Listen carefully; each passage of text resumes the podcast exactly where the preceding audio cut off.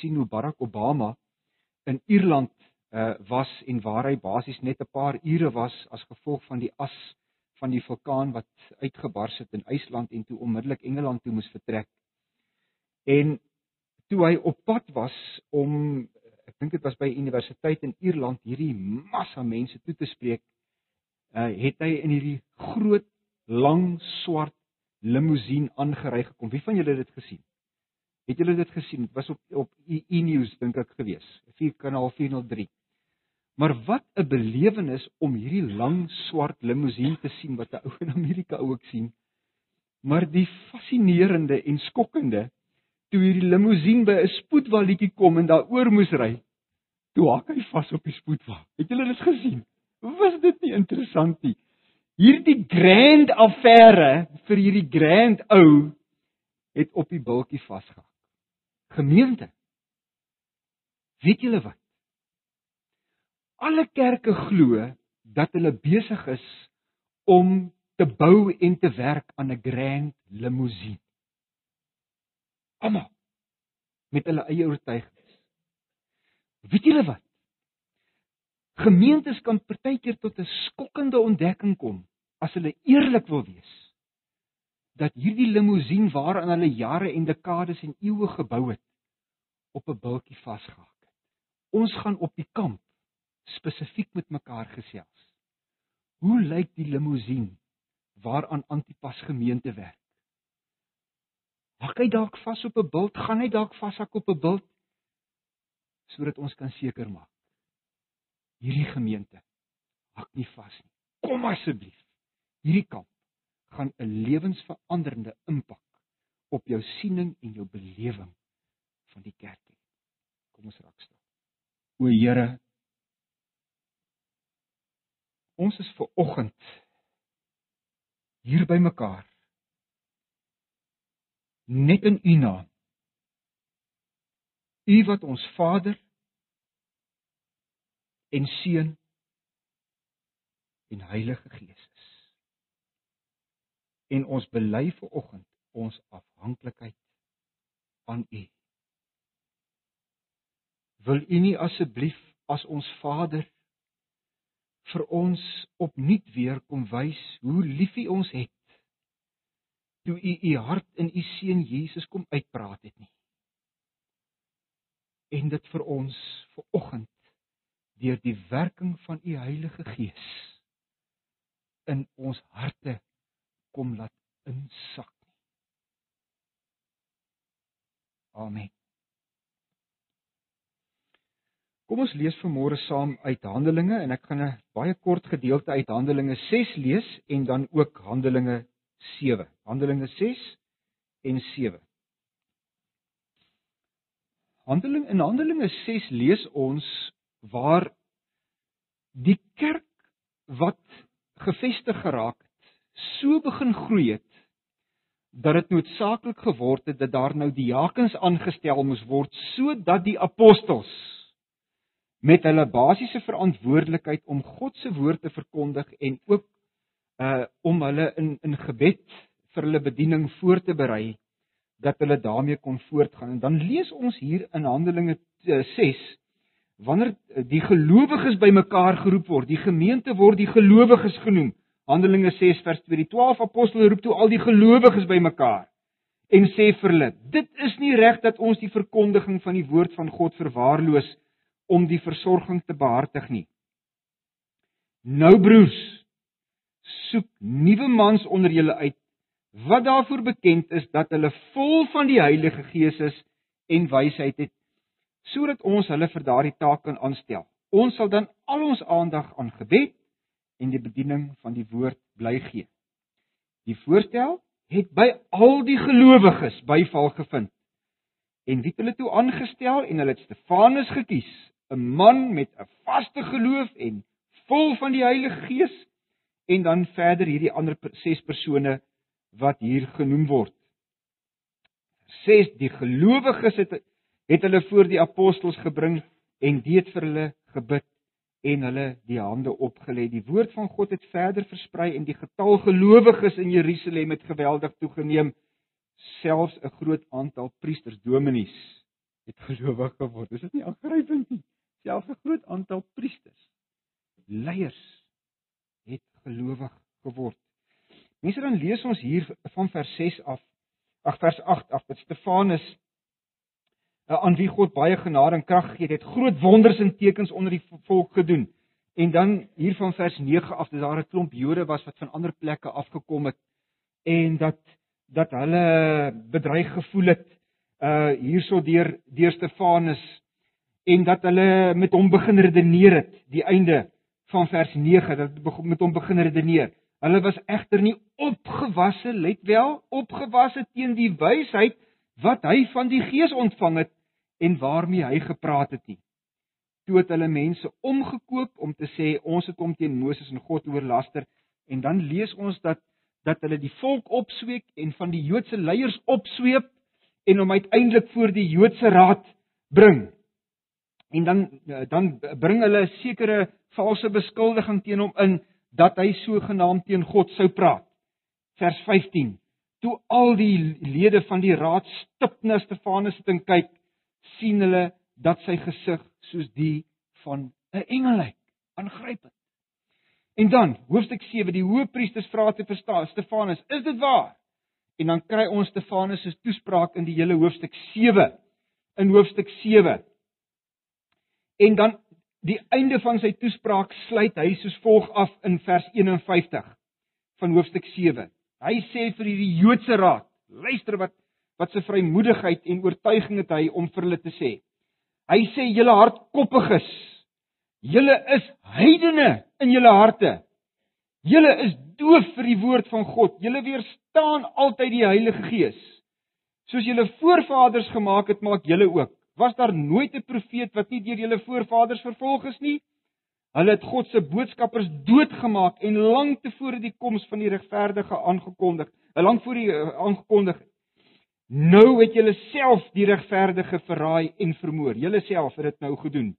Julle is die mense wat deur bemiddeling van engele die wet van God ontvang het en tog het julle dit nie gehoorsaam nie. Dan van vers 54 af. Toe die lede van die Joodse raad dit hoor, het hulle van woede op hulle tande geknars. Erger as wat Beesten Tabarira gistermiddag gedoen het toe hy sy tong uitgesteek het in die rugby wedstryd. Hulle het van woede op hulle tande geknars.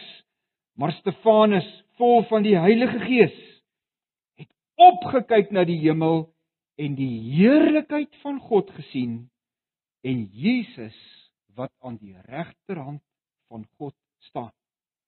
Kyk het hy vir die Joodse raad gesê, ek sien die hemel geopen en die seun van die mens wat aan die regterhand van God staan. Toe het hulle hard geskreeu en hulle ore toegedruk. En soos een man het hulle op hom afgestorm, hom uit die stad uitgesleep en gestenig.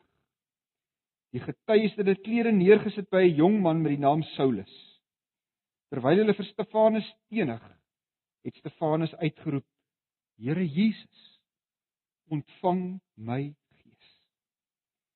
Toe het hy op sy knieë neergesak en hard uitgeroep: "Here, moet hulle tog nie oor hierdie moet hulle tog nie oor hierdie sonde toereken nie.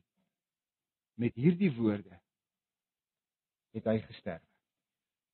Met hierdie woorde het hy gesterf. Tot sover.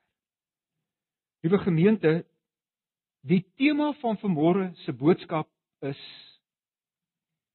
die dag toe Jesus opgestaan het.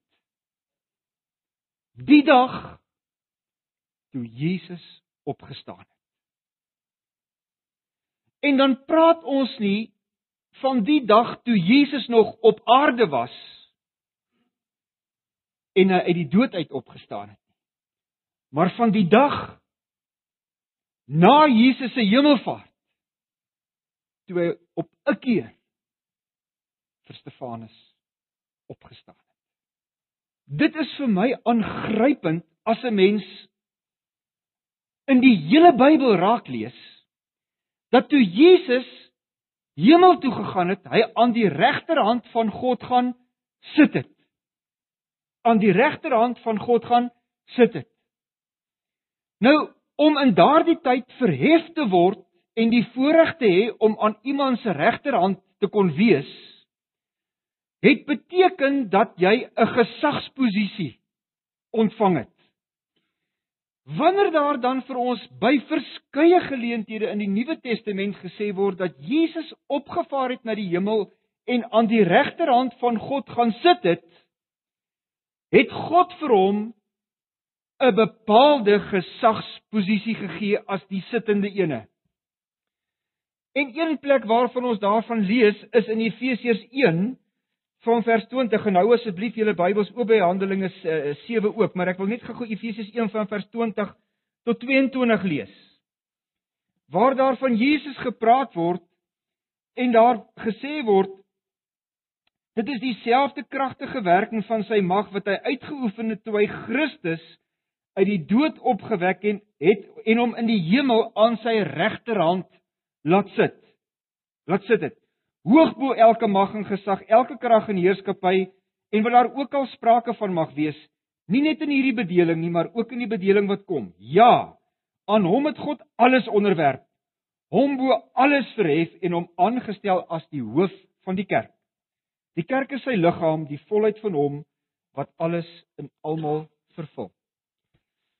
In kort, wanneer Jesus deur sy Vader 'n plek gegee word om aan sy regterhand te kom sit, sou 'n mens onder andere kon sê dat hy vir Jesus op daai oomblik aangestel het as die hoof van sy kerk en ook as die hoof of kom ons sê as die hoof of die koning van sy kerk en ook as die regter oor die mensdom. Want wanneer uh, uh, daar voor Kornelius verskyn word, dan sê Petrus dan ook onder andere dat die Vader vir Jesus aangestel het as die regter oor die lewendes en die dooies. En 'n regter sit. 'n Regter Die vraag is dan nou wat beteken dit dan nou dat daar op een plek in die Bybel vir ons gesê is, gesê word dat daar 'n tyd was dat Jesus wat altyd aan die regterhand van sy Vader in die hemel sit, een keer opgestaan het. Opgestaan. Is dit nie 'n ding wat 'n mens nuuskierig maak nie? En dis waarna ons ver oggend wil kyk en ons kan dit alleen doen as ons kyk wie Stefanus was, wat hy gedoen het en wat met hom gebeur het. Want dit was rondom die gebeure van Stefanus dat Jesus op 'n dag in die hemel opgestaan het. Nou kom ons gaan terug na Handelinge 6 toe en ek gaan vlugtig net 'n bietjie uh, vir ons attent daarop maak wie Stefanus was vir wie Jesus op 'n slag opgestaan het. Stefanus was een van die diakens. Handelinge 6 vers 3 tot 5. En wanneer die lys van sewe diakens genoem word, sien ons dat hy heel bo aan die lys staan en dat daar 'n bepaalde ding van hom gesê word, naamlik dat hy vol van die Heilige Gees was en 'n man met vaste geloof wat nie van die ander 6 gesê word nie. Ja, daar word van die ander 6 in hoofstuk 6 vers 3 gesê dat almal wysheid gehad en was vol van die Heilige Gees. Maar dis asof die skrywer van die boek Handelinge wil vir ons wil sê ek wil ietsie meer, ietsie meer oor hom sê en ek wil hom ook heel bo aan die lys plaas. Dalk was hy in ons taal van vandag die leier diaken in die eerste gemeente in Jerusalem. Maar daar's 'n volgende ding wat van hom gesê word en ons lees dit 3 keer in in hierdie twee hoofstukke. Ons lees dit in hoofstuk 6 vers 3, vers 5 en ook in hoofstuk 7 vers 55 dat hy iemand was wat vol van die Heilige Gees was. Vol van die Heilige Gees. Nie maar net 'n gelowige wat rondgeploeter het nie. Maar 'n gelowige wat vol van die Heilige Gees en die krag en die werking en die beheersing van die Heilige Gees gelewe het. En dan sien ons in die derde plek dat hy as 'n gelowige man dan ook iemand met wysheid was, hoofstuk 6 vers 3. Maar hy is die enigste een van wie daar gesê word soos wat ek net nou gesê het, dat hy iemand met 'n vaste geloof was. Die leier diaken vol van die Heilige Gees met wysheid maar met 'n vaste onwankelbare geloof. Daarom is dit nie vreemd dat ons in hier in hoofstuk 6 vers 9 lees. Dat hy dan ook vers 8 lees.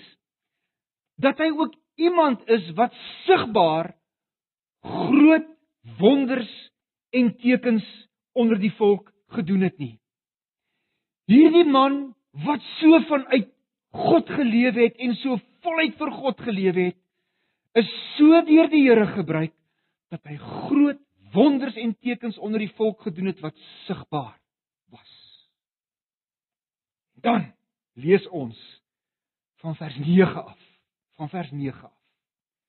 Dat hy nie net sigbaar gewys het dat hy iemand was wat in volle oorgawe aan die Here geleef het nie, maar dat hy ook onverskrokke hoorbaar hoorbaar nie 'n duit vir God in hierdie lewe teruggestaan het nie.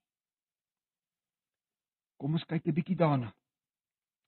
Hier in hoofstuk 6 vers 9 lees ons dat van die Jode wat buite Jerusalem was en op daai stadium Jerusalem toe gekom het met hom begin redeneer het.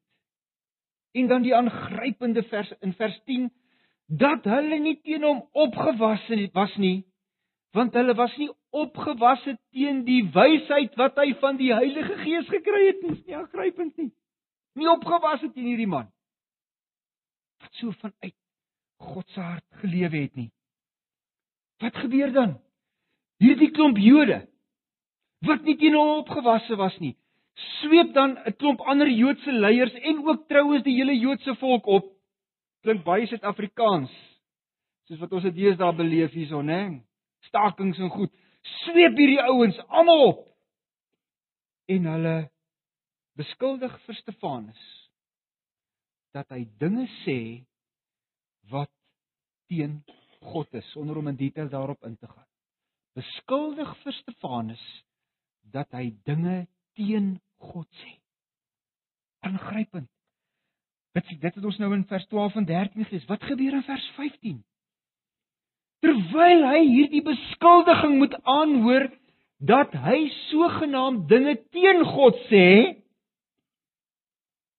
sien ons dat sy gesig soos die van 'n engel word wat beteken dit dan word vir hom gesê jy is eintlik 'n boodskapper teen God En wat is 'n engel? 'n Engel is 'n boodskapper van God. Terwyl hy beskuldig word dat hy 'n boodskapper teen God is, kom God self en God bevestig vir hom en ander mense sien dit jy is niemand anders nie as 'n boodskapper van God. Wat gebeur?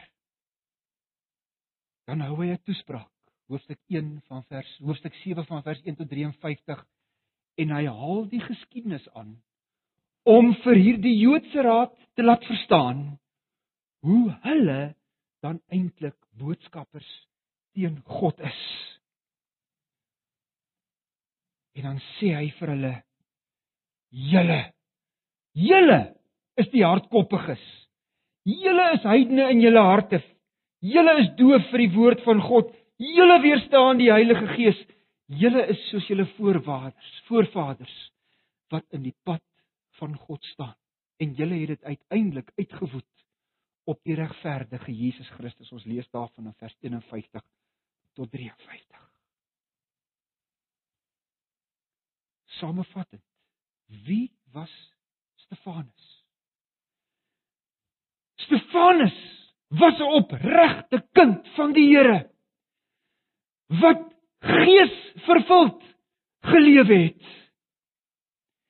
en wat in woord en in daad nie 'n duit gestuit het vir God en die saak van God in die wêreld.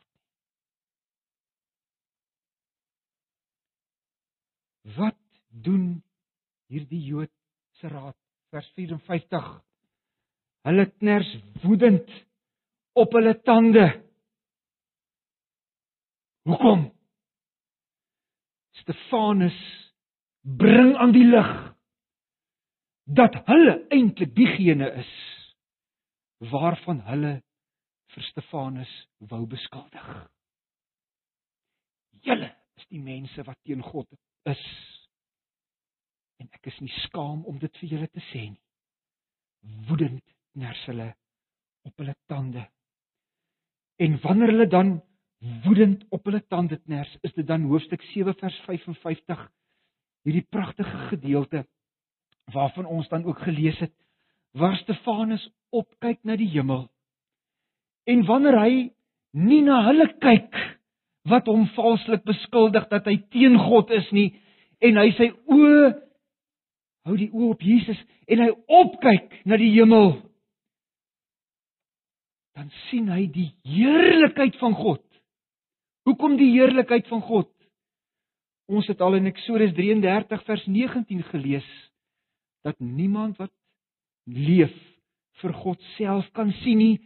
Daarom is die enigste manier hoe God sy persoonlike teenwoordigheid sigbaar kan maak deur sy sigbare heerlikheid wat dit ook al sou wees vir mense sigbaar te maak.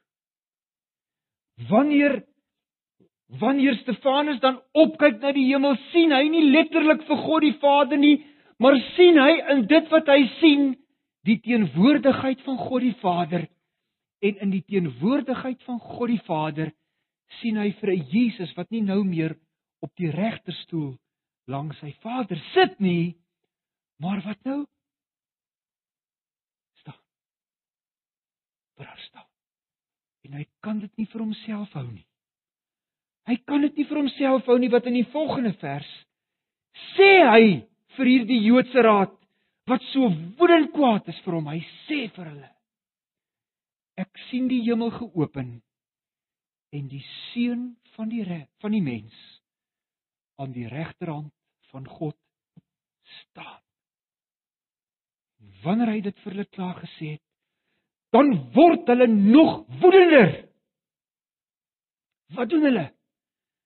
Hulle skree hard en omdat hulle hard skree, moet hulle hulle ore toedruk. As hulle hulle ore toedruk omdat hulle so hard eh, skree, storm hulle op op hom af. Hulle sleep hom uit die stad uit en hulle gaan stenig hom buite die stad want hulle was nie toegelaat om iemand in die stad te stenig. En terwyl Stefanus besig is om te sterf. Terwyl hy besig is om te sterf. Hoor ons van twee dinge wat hy sê. Twee dinge wat feitelik dieselfde woorde uiter as wat Jesus aan die kruis gesê het. Die eerste een lees ons in hoofstuk 7 vers 59. Hy sê: Here Jesus, ontvang my gees. Toe Jesus aan die kruis was, lees ons in Lukas 9 vers ag in Lukas 23 vers 44 het gesê: Vader, in U hande gee ek my gees oor. Stefanus sê net: Jesus ontvang my gees. Die tweede woorde wat Stefanus hier in sy sterwensmoment uiter is wanneer hy reeds sterwend op sy knie is vers 60 en hy dan hard roep Here moet hulle tog nie hierdie sonde toereken nie. Waar Stefanus hom tot Jesus rig het Jesus in sy sterwensmoment hom tot die Vader gerig waar hy gesê het Vader vergeef hulle want hulle weet nie wat hulle doen nie. Mense, wat gebeur hier? Toe hierdie Stefanus wat 'n opregte gelowige was, maar wat ook in woord en in daad vervul was met die Heilige Gees en nie 'n duit teruggestaan het vir God in hierdie wêreld nie. Het hy opgekyk na Jesus. Het hy vir Jesus gesien staan aan die regterhand van sy Vader? Het hy met Jesus gepraat? En hoor ook mooi. Het hy op die ou einde ook selfs soos Jesus gepraat? Sjoe. Ons kan nie mense vergelyk in terme van hulle geloofskwaliteit nie. Maar die hele boek Handelinge hierna is vol van wat Paulus hier op aarde gedoen het en ons hou gewoonlik vir Paulus op as die groot geloofsman die Bybel.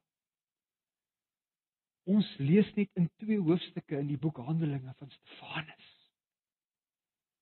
Maar ek wil sê amper sê dat ons in Stefanus dalk meer sien van iemand wat meer soos Jesus was as wat Paulus dalk selfs was.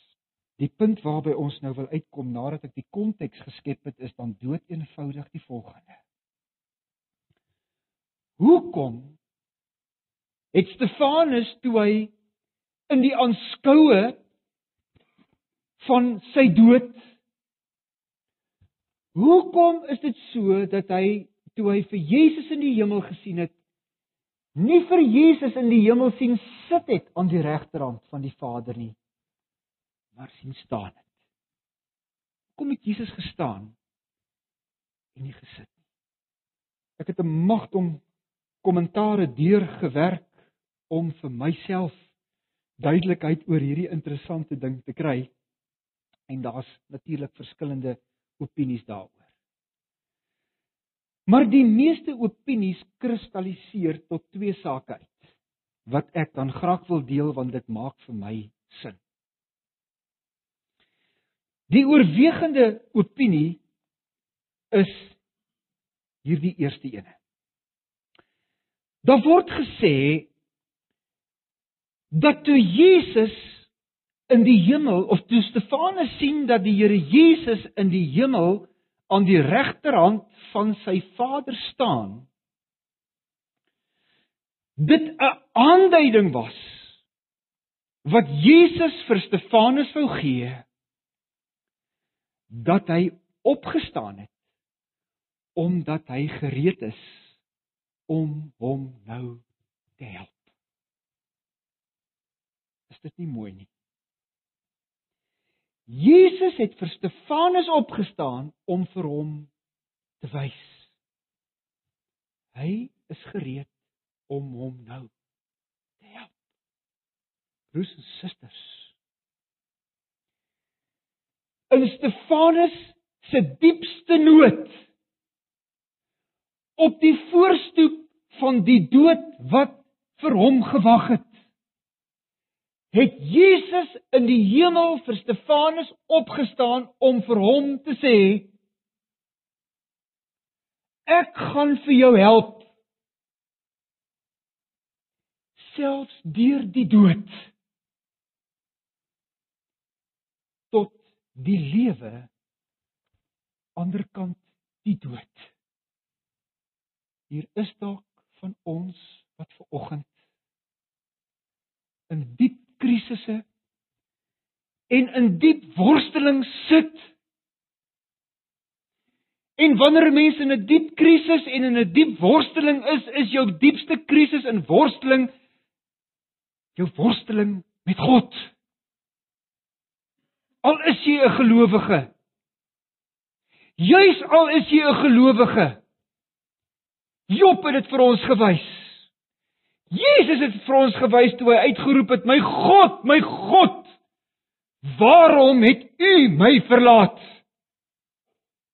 En wanneer Stefanus waarskynlik in die diepste krisis nood in sy lewe sit.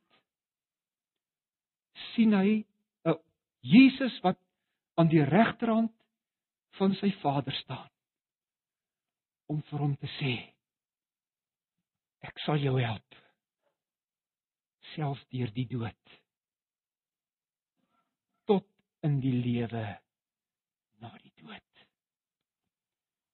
Want jy is opreg 'n kind van my. Die tweede verklaring wat eintlik maar die die sterk van hierdie kopdeel van die muntstuk is is die volgende wat ek in minder kommentare gesien het maar wat vir my eintlik dieper in my hart gryp. En dit is Ons het nou klaar gelees dat Jesus toe hy opgevaar het na die hemel, hy aan die regterhand van die Vader gaan sit het. En dat die sit aan die regterhand van sy Vader onder andere beteken het dat hy nou die regter is wat oor die mensdom sal oordeel.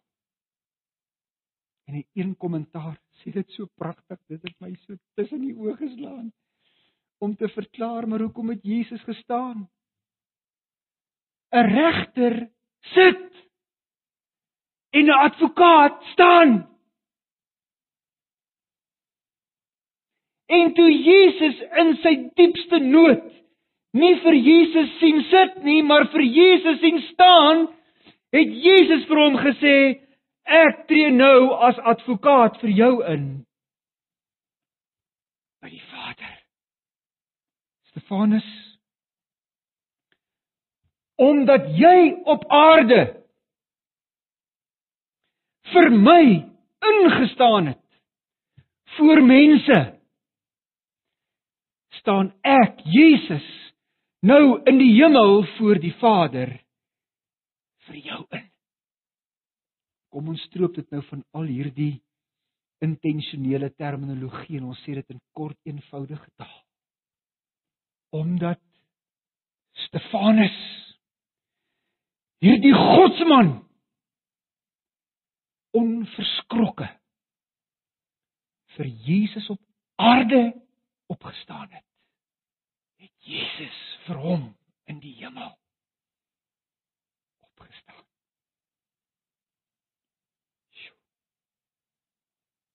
Ek sluit af met 'n uitroepteken en 'n vraagteken. My uitroepteken is die volgende. Liewe broer en suster, as jy opreg 'n kind van die Here is, wat soos Stefanus voluit en onverskrokke vir die Here leef. En jy beleef 'n krisis in jou lewe, so Stefanus. Kan jy ver oggend die versekering hê dat jy 'n Jesus in die hemel het? Wat ook vir jou by wyse van spreuke opstaan te midde van die donker waarin en waardeur jy dalk nog moet gaan. Het Jesus dit nie vir ons klaar aan die kruis gewys? Toe hy vir ons elkeen as sy kinders die oorwinning behaal het nie. Dis my uitroepteken. My vraagteken is die volgende. As jy sê dat jy 'n kind van die Here is. Is jou lewe as kind van die Here so dat Jesus ver oggend vir jou sal opstaan. Soos wat hy vir Stefanus opgestaan het. Jesus staan vir jou en my op. maar wil hy wil hy sal hy vir jou en my opstaan. Amen. Kom ons bid saam. Here ons Here. Ek weet nie eintlik wat om te bid nie. Behalwe net om maar net weer te sê wie het ek buiten u in die hemel buiten u begeer ek ook niks op aarde nie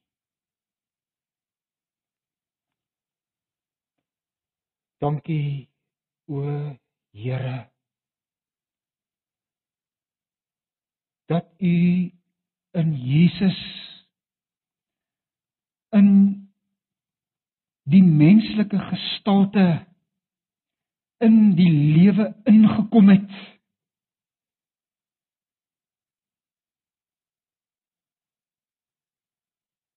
Om te identifiseer met menswees sodat u ook vir ons vanuit ons menswees uit ons sonde en uit ons krisisse kan verlos en wil verlos. Dankie dat ons daarom vir u kan onthou dat u die Jesus is wat vir ons in hierdie opsig opstaan.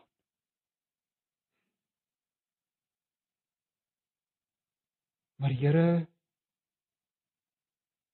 ten spyte van u trou aan ons is ons so dikwels aan u ontrou is ons nie die naam Christen werd nie want is ons om hoekies en draadjies besig om u te verloon in skuilplekkies besig om te sondig in ons eie verwaandheid en eie self vergenoegdheid te dink dat die lewe om ons draai en dat ons almal om ons moet hiet en gebied.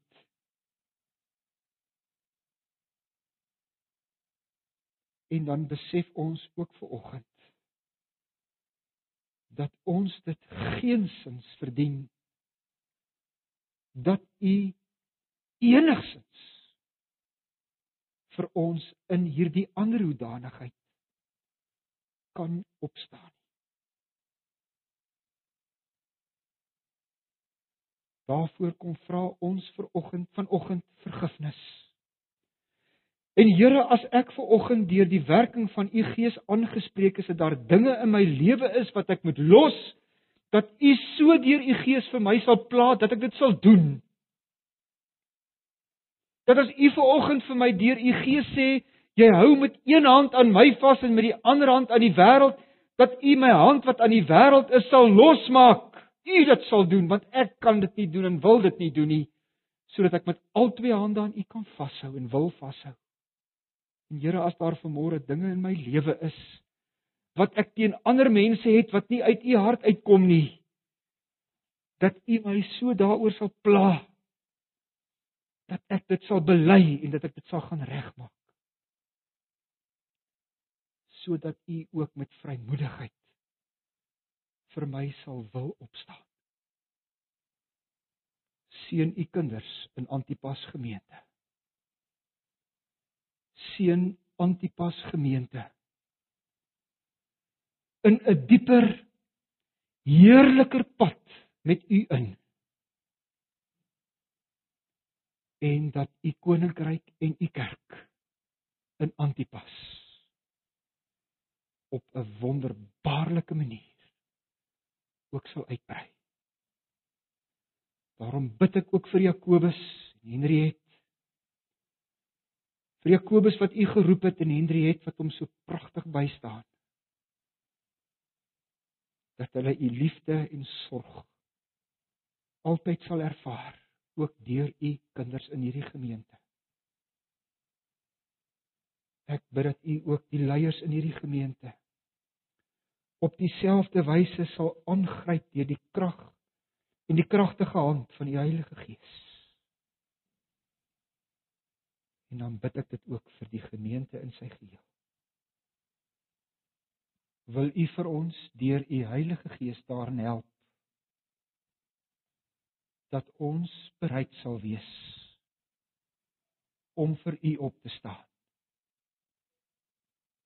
want bowe alles